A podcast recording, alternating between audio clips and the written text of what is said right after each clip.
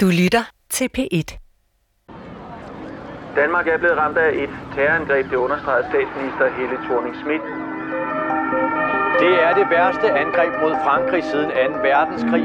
128 er dræbt, mindst 100... Terror er uoverskuelig og uforståelig, og den skræmmer os helt ind i knoglerne. Der blev optaget nogle levende billeder øh, fra musikstedet Bataclan i nat. Øh, Når terroren rammer, har vi brug for nogen, der kan skille myter fra fakta, og som kan sætte hændelserne i deres rette perspektiv. Man kan risikere at komme til at overreagere. Måske forstærke nogle skæld i vores samfund. Den rolle har Anja Dalgaard Nielsen. Hun er sikkerhedspolitisk forsker og chef for Institut for Strategi ved Forsvarsakademiet. Hun har oplevet terroren tæt på i USA, været i Irak og Afghanistan og været med til at træffe beslutninger om vores eget forsvar fra PETs kontorer. Modtageren af Pets Rosenkjær-pris 2017 er Og i 2017 fik Anja Dalgaard Nielsen P1's Rosenkjær-pris. Anja Dalgaard Nielsen. En pris, der hvert år gives til en fremragende formidler. Med prisen følger muligheden for at lave en radioserie om forskerens emne. I den her programserie skal vi se nærmere på nogle af de dilemmaer, der opstår, når vi som demokratisk samfund bekæmper terrorisme. Det skal vi, fordi bevidsthed om de dilemmaer klæder os på til at træffe klogere valg. Du lytter til Rosenkær-udsendelserne om terrordilemmaer. Vi skal ud og møde mennesker, der har stået over for dilemmaerne, og som for nogens vedkommende har taget de svære valg. Velkommen til fjerde program om vejen ind og den endnu længere vej ud af voldelig ekstremisme. Og om dilemmaerne for både den enkelte tidligere ekstremist og for os som samfund, når man kommer ud på den anden side.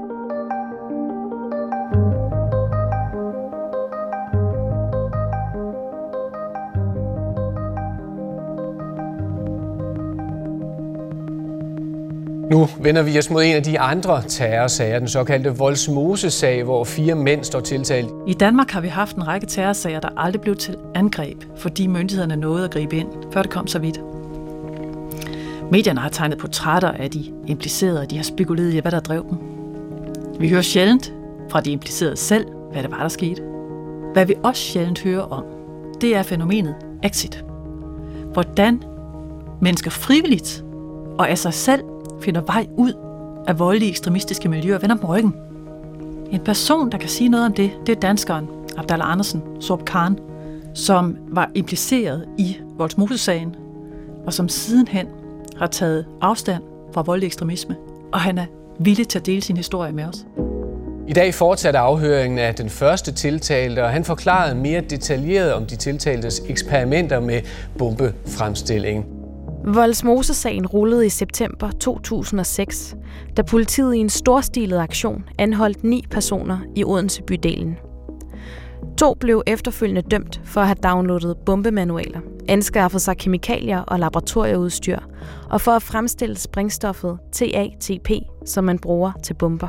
De kendes for ret. Abdallah Andersen straffes med fængsel i fem år. Den tredje dømte var den 32-årige Abdel Andersen, der fik en langt mildere straf end de to andre, fordi han før anholdelsen havde trukket sig fra gruppen.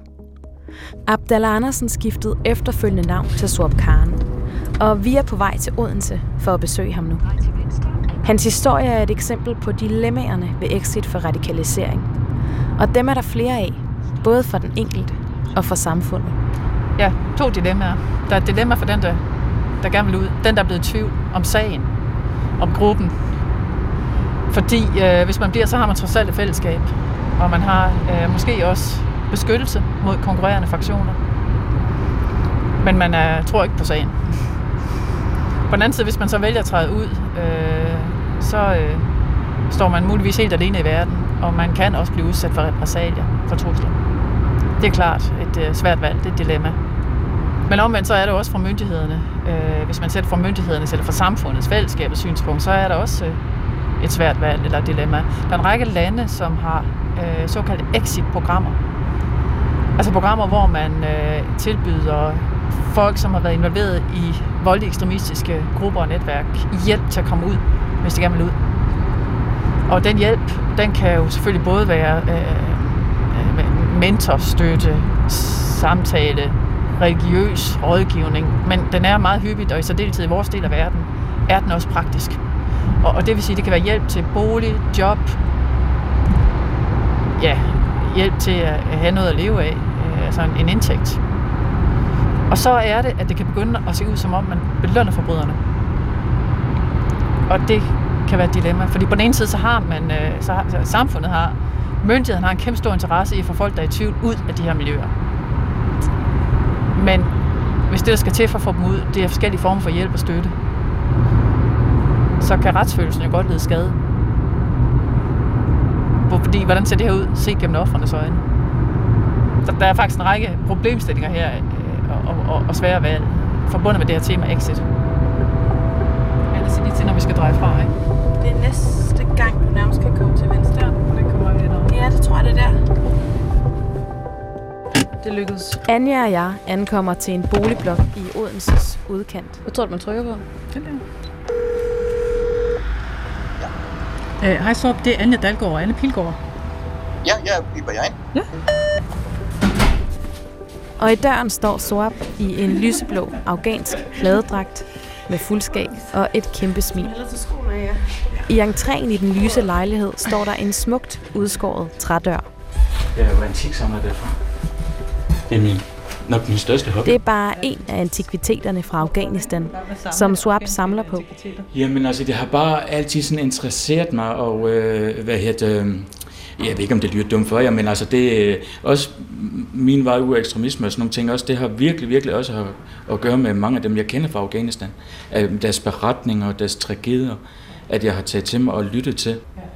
Man begriber det her ikke af også, at man har været i, til stede i sådan nogle miljøer, hvor sådan noget blev godkendt, ikke? Ja, ja, ja, ja, ja, jeg har da lægget op til os henne, øh, hvis det er. Øh, kaffe eller te? Soap skænker kaffen og begynder at fortælle om sin vej ind i islam og senere ekstremismen. Jamen, øh, på det her tidspunkt, der, der er vi i 2006. Ja. Og der er jeg på et øh, tidspunkt i mit liv, hvor jeg er sådan meget søgende. Jeg er på et tidspunkt i mit liv, hvor jeg er sådan kommet ovenpå øh, og har haft en øh, sådan voldsom angstlidelse, øh, hvor jeg begyndte at, og, og få lidt mere styr på tingene igen. Og øh, på det tidspunkt, der møder jeg også en, øh, en, en pige, jeg har faktisk gået, øh, jeg har kendt hende i mange år, og hun er, hun er blevet øh, muslim, og det snakker vi lidt om. Altså, det er ikke hende, der sådan har påvirket mig til at blive muslim, men øh, jeg synes bare, det var, det var voldsomt spændende, fordi jeg har altid interesseret mig for tro. Men øh, jeg vælger så i august i 2002 at, at konvertere øh, til islam, og øh, det gav mig sådan en, øh, en, en faktisk sådan en, øh, en rigtig dejlig sådan ro, fordi jeg, jeg synes, at jeg hvilede rigtig godt i troen. Øh, det, der så skete med, med mig gradvis, det var, at det, der sårede mig rigtig meget, det var, at flere og flere tog øh, afstand fra mig. Øh, tidligere venner, og det, vi ikke kan snakke med mig mere, fordi jeg var blevet muslim. Okay. Og jeg havde på endet tidspunkt prædiket over for dem. Og det sårede mig jo gevaldigt. Også min familie. Jeg kunne godt mærke, mm. jeg kunne godt mærke på dem, at øh, det her, det kunne de ikke lide. Nej. Det næste step ved mig, det er jo, at jeg begynder at debattere rigtig, rigtig voldsomt. Der er jo Mohammed-tegningerne kommer.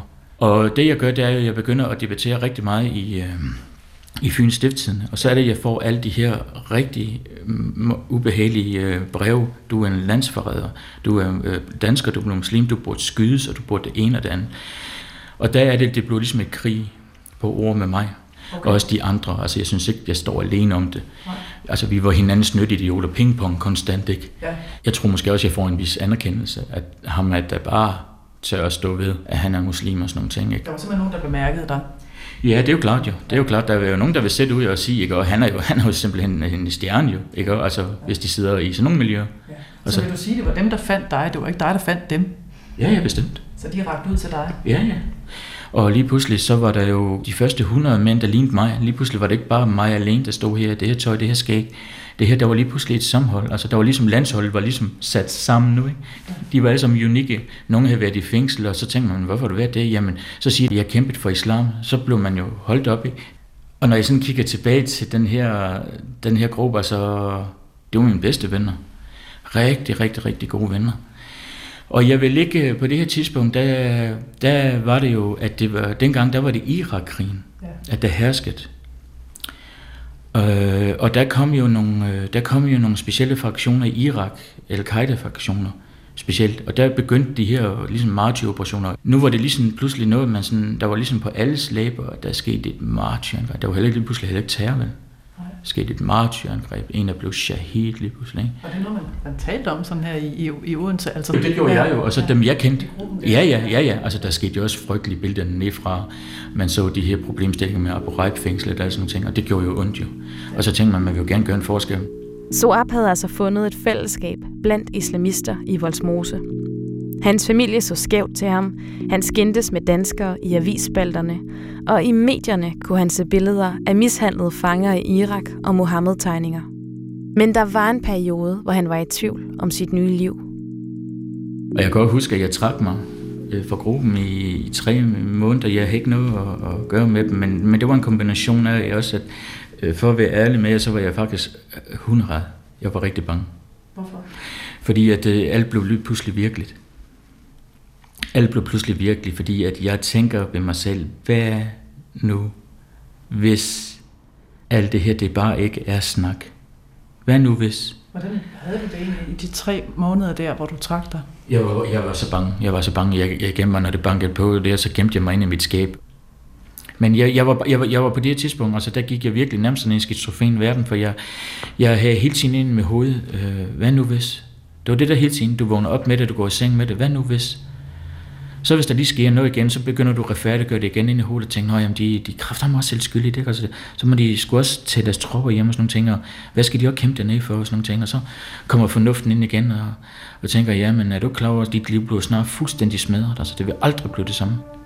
Men altså, jeg, jeg, jeg, vil mås- jeg, jeg ved virkelig, virkelig ikke, hvad jeg vil have gjort, hvis nogen havde taget fat i mig på det tidspunkt og, og, og talt mig til rette eller eller andet. Jeg, jeg, jeg tror faktisk, hvis jeg skal være det, så tror jeg, jeg vil have brudt sammen og bare sagt det. Soap Khan er uvidende om, at politiet gennem længere tid har aflyttet ham og gruppen. Han siger selv, at han ikke vidste, der var indkøbt kemikalier, eller at sprængstoffet TATP var blevet fremstillet af gruppen. En aften slår politiet døren ind. Det, der sker til sidst, er jo, at PET de mener, at, øh, at øh, nu er det tid til at skride til. Altså, de mener, at nu er der indkøbt de her ting, der er indkøbt, og de har de her beviser. Mange af de her ting, der er indkøbt, det ved jeg jo ikke. Øh, de har beviser, altså der er rumaflytninger, der er det hele jo, altså der, der er en sag at bygge på, ikke? Og så tør man jo selvfølgelig ikke at tage chancen mere, ikke? Så de vælger jo så at slå til, og det var jo selvfølgelig en meget, meget hård anholdelse, altså det, den tænker jeg på rigtig, rigtig ofte, altså det, jeg, stadigvæk den dag i dag har jeg problemer med at, at sove. Og det var selvfølgelig ikke sjovt at få en sæk over hovedet og, og komme i de der trakter øh, og håndjern, fordi at man tænker, på det tidspunkt, jeg var så øh, opslugt af Guantanamo, og så tænker man, jeg skal det hen, og det er sådan en åndssvagt tanke, fordi hvorfor skulle man blive anholdt i Odense for at komme til Guantanamo, men du ved, sæk over hovedet, kældetrakt det. Og nu sker det, det jeg frygter, sker. Ikke? Og der hjælper det ikke at sidde øh, to dage efter politistationen og, og appellere og sige til dem, at jamen, prøv her, jeg vil, øh, jeg gik og hætte så dårligt, sådan nogle ting. Løbet er kørt. Ikke? Det, der var hårdt, det var, at øh, jeg sagde, jeg ved ikke, om jeg har set for mange amerikanske film, men er det rigtigt, at man har den der ene telefonsamtale, man må ringe til en? Ej, ikke i det her tilfælde, så siger man, må jeg ringe til min mor, men ja, jo. Og så får jeg den her ene samtale, og så siger hun, har du råd, du er noget skidt? Ja, det har jeg. Så sagde hun, kommer du hjem? Så sagde jeg, ja, det tror jeg ikke, du skal regne med. Soap Khan blev kendt skyldig for planlægning af terror og fik fire års fængsel. Hvordan var det at afzone? Det var frygteligt. Altså, jeg kan huske, at, øh, at da jeg kommer ind på det her, jeg kom først på sygeafdelingen på øh, Vestre, for jeg gik jo helt ned. Altså, det, det, det tog virkelig hårdt på mig.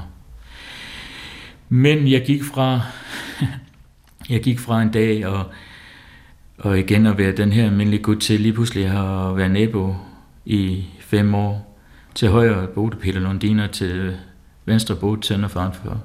Jeg boede på afdelingen med 15 af Danmarks værste børnemorder. Og dem skulle jeg sidde øh, med og høre de mest skrækkelige historier. Altså, og sætte og høre på Lundin dag ind og dag ud.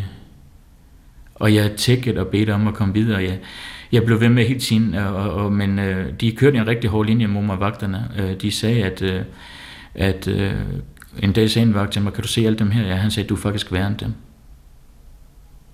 Du er et værre menneske, end de er. Mange af de andre indsatte, de kunne heller ikke lide mig i starten. Jeg var den nye giraf i, øh, jeg kan huske uh, tøn, øh, ham fra Tøndersagen.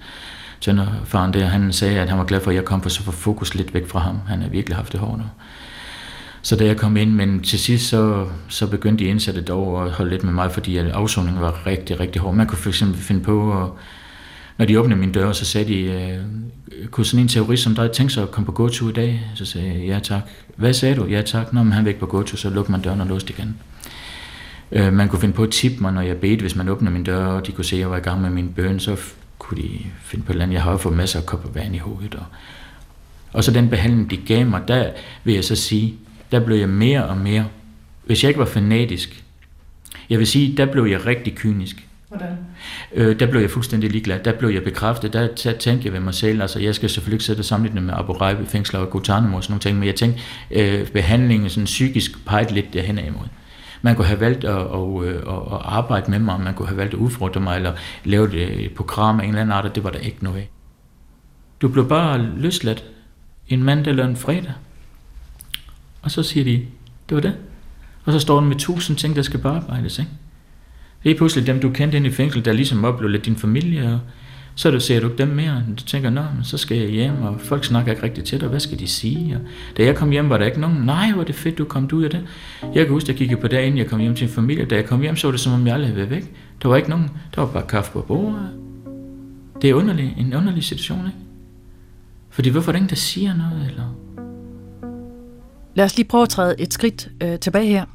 Hvad ved vi egentlig fra forskningen omkring, hvad et fængselsophold kan betyde i og for en radikaliseringsproces? På den ene side, så har vi forskning, der peger på, at et fængselsophold og en straf faktisk kan tjene som et slags wake-up call. Der får den berørte person til at se i øjnene, hey, jeg er ved at smide mit liv væk. Vi, vi ser også, at et fængselsophold i nogle tilfælde faktisk kan tjene til at underminere nogle af de stereotyper, som øh, voldelige ekstremistiske miljøer opererer med. For eksempel, at staten er iboende ond, eller at myndighederne er antimuslimske. Og det er selvfølgelig et tilfælde, hvor øh, den behandling, som den øh, afsonende modtager, modsiger de der stereotyper, ikke, hvor man bliver behandlet ordentligt. På den anden side ser vi også situationer, hvor et fængselsophold har den modsatte effekt, altså det virker yderligere øh, radikaliserende. Vi øh, hører jo om en ret, hvad kan vi sige, abrupt overgang fra at afzone til pludselig at være tilbage i en, i citationstegn, øh, normal tilværelse i en dagligdag. Og øh, historien understreger, at der kan være rigtig god brug for exit-forløb, noget man sidenhen er begyndt at arbejde mere systematisk med. Sådan at man ikke bare lukker dem ud på gaden i en situation, hvor det mest oplagte valg for dem, det bliver at gå tilbage til deres gamle miljø.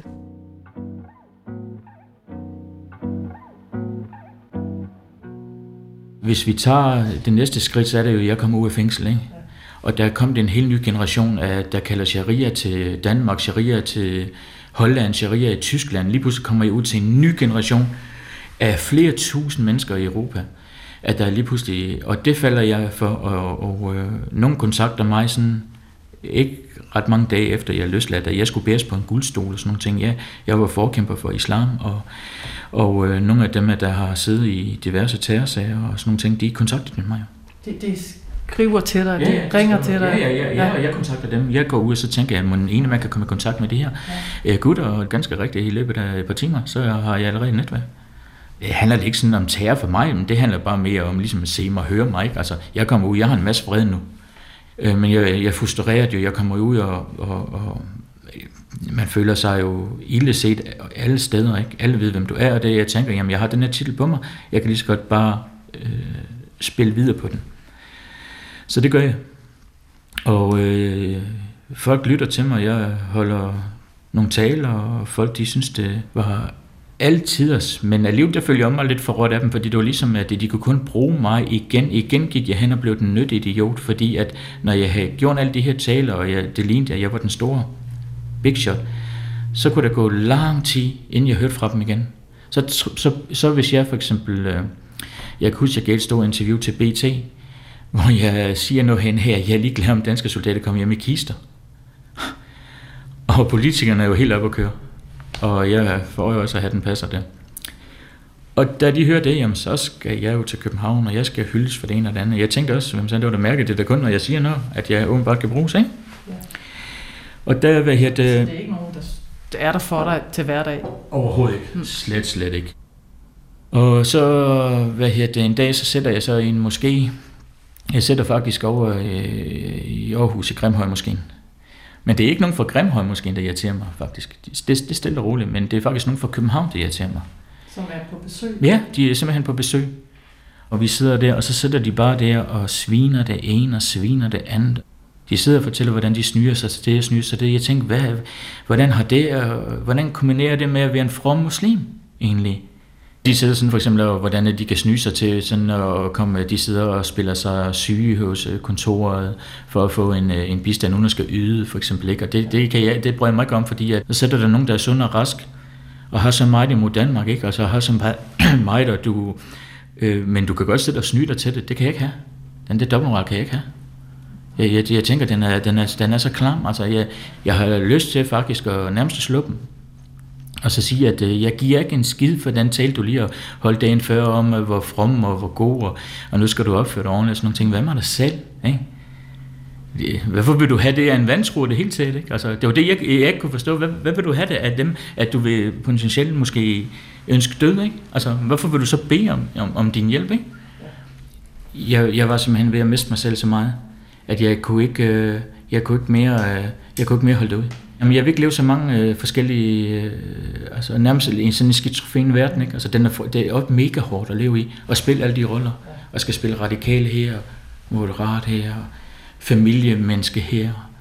Jeg, jeg, jeg, jeg, bliver, jeg, jeg begynder at få en indre kamp, at der, der er næsten ikke til at holde ud, fordi at øh, det næste skridt er jo, at jeg heller ikke kan holde mig selv ud. Hvorfor ikke? Nej, fordi jeg var jo det samme produkt jo. Jeg var jo et produkt af det samme jo.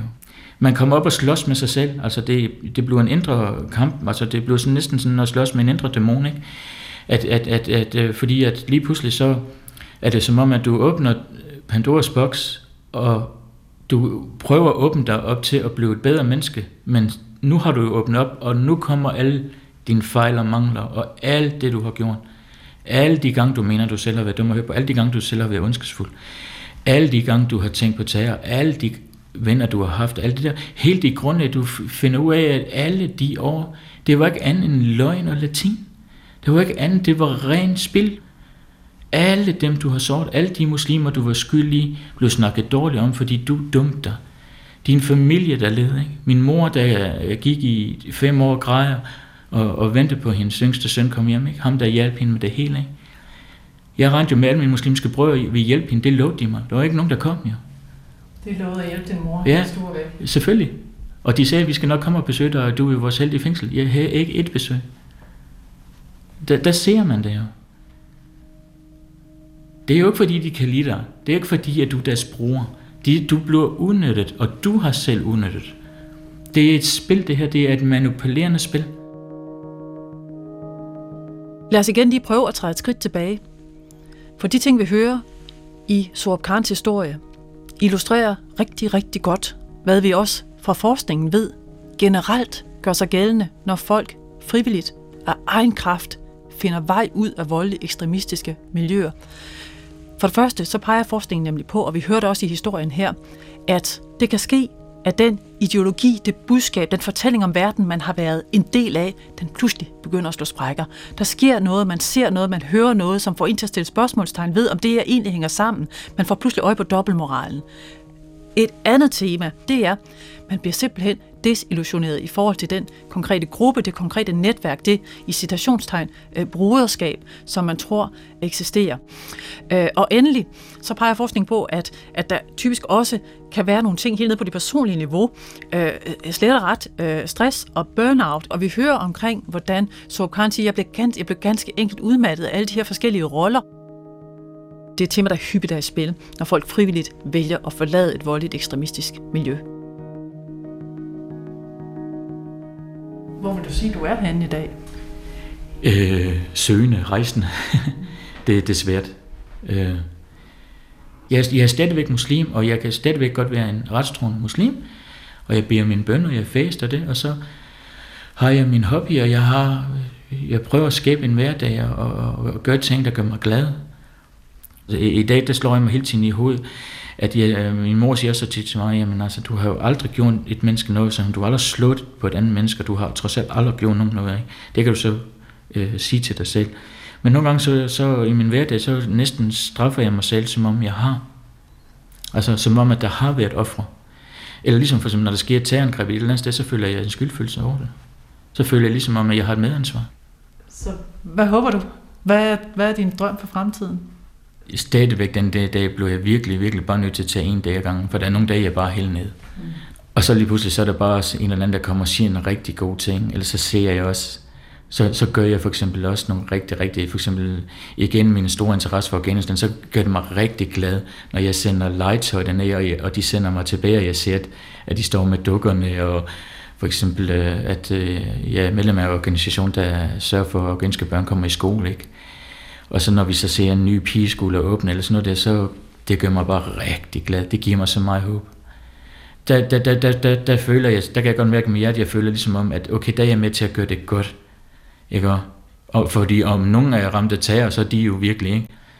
Så jeg, jeg, prøver, jeg prøver igen, øh, jeg, det er svært, for efter så mange år i det her, der prøver jeg stadigvæk at, at finde det menneske, jeg gerne vil være. Og det er svært. Og der er mange ting, at jeg, jeg stadigvæk tager mig i, og så, så griner jeg lidt af mig selv, fordi så tænker jeg, at der er det jo ikke mere, for jeg tænker, åh oh, nej, det må jeg ikke gøre. Og så tænker jeg, hvem, hvem fanden skulle bestemme det? Jeg, jeg tænker, du er jo ikke i det her miljø mere, ikke? Så gør det. Så når man efter 16 år har fået at vide, at alle de år, at det er forbudt at lave hætter, hvis du går biografen, så gik jeg biffen. Hvordan var det? det var dejligt. Jeg så en skøjfilm, men det var bare... Jeg så en 3D-film, der bare ikke sagde mig intet. Men jeg, øh, jeg, jeg, jeg gik ind og... Men man kom derud og tænkte, om man havde gjort noget forkert, og så tænkte jeg, hvad skulle det da være? Altså, jeg tænkte, det vil jeg, det vil jeg blæse på. Det er det samme, hvis jeg gerne vil høre en melodi, ja, men altså, så får jeg helvede for det. Jamen, nå, nå. Nå, tænker jeg, jeg hører den alligevel. Ikke? Altså, hvis nogen mener det, ikke? Altså, lev det liv, du kan have. Lad være at diktere mit. Sin historie. Ja. Ja. Ja. den er så hård at komme igennem. det er den sgu. Tusind, tusind tak. Ja. Velbekomme. Du delte med os. Velbekomme. Mm.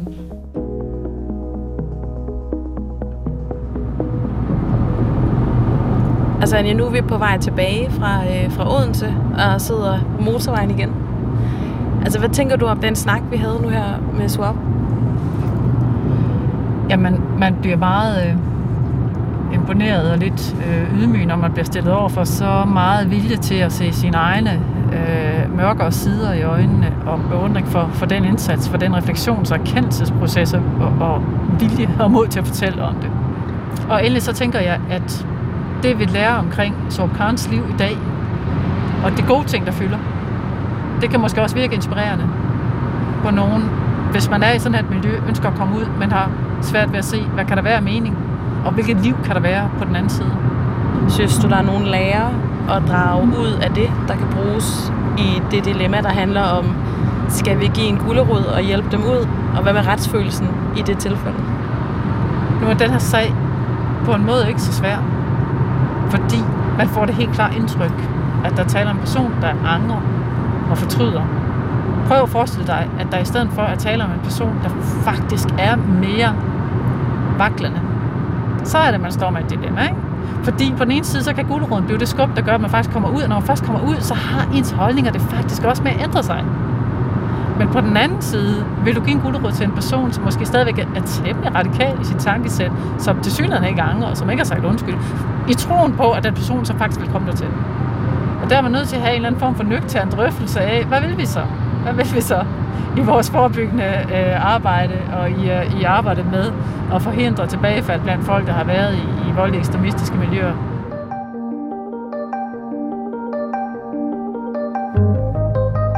Du har lyttet til Terrordilemmaer med Anja Dalgaard Nielsen. Jeg hedder Anne Pilegaard Petersen, og i næste program kan du høre om dilemmaerne, vi som samfund står overfor i vores terrorbekæmpelse. For skal vi bruge jernnæver eller fløjlshandsker? Og hvordan finder vi balancen mellem frihed og sikkerhed?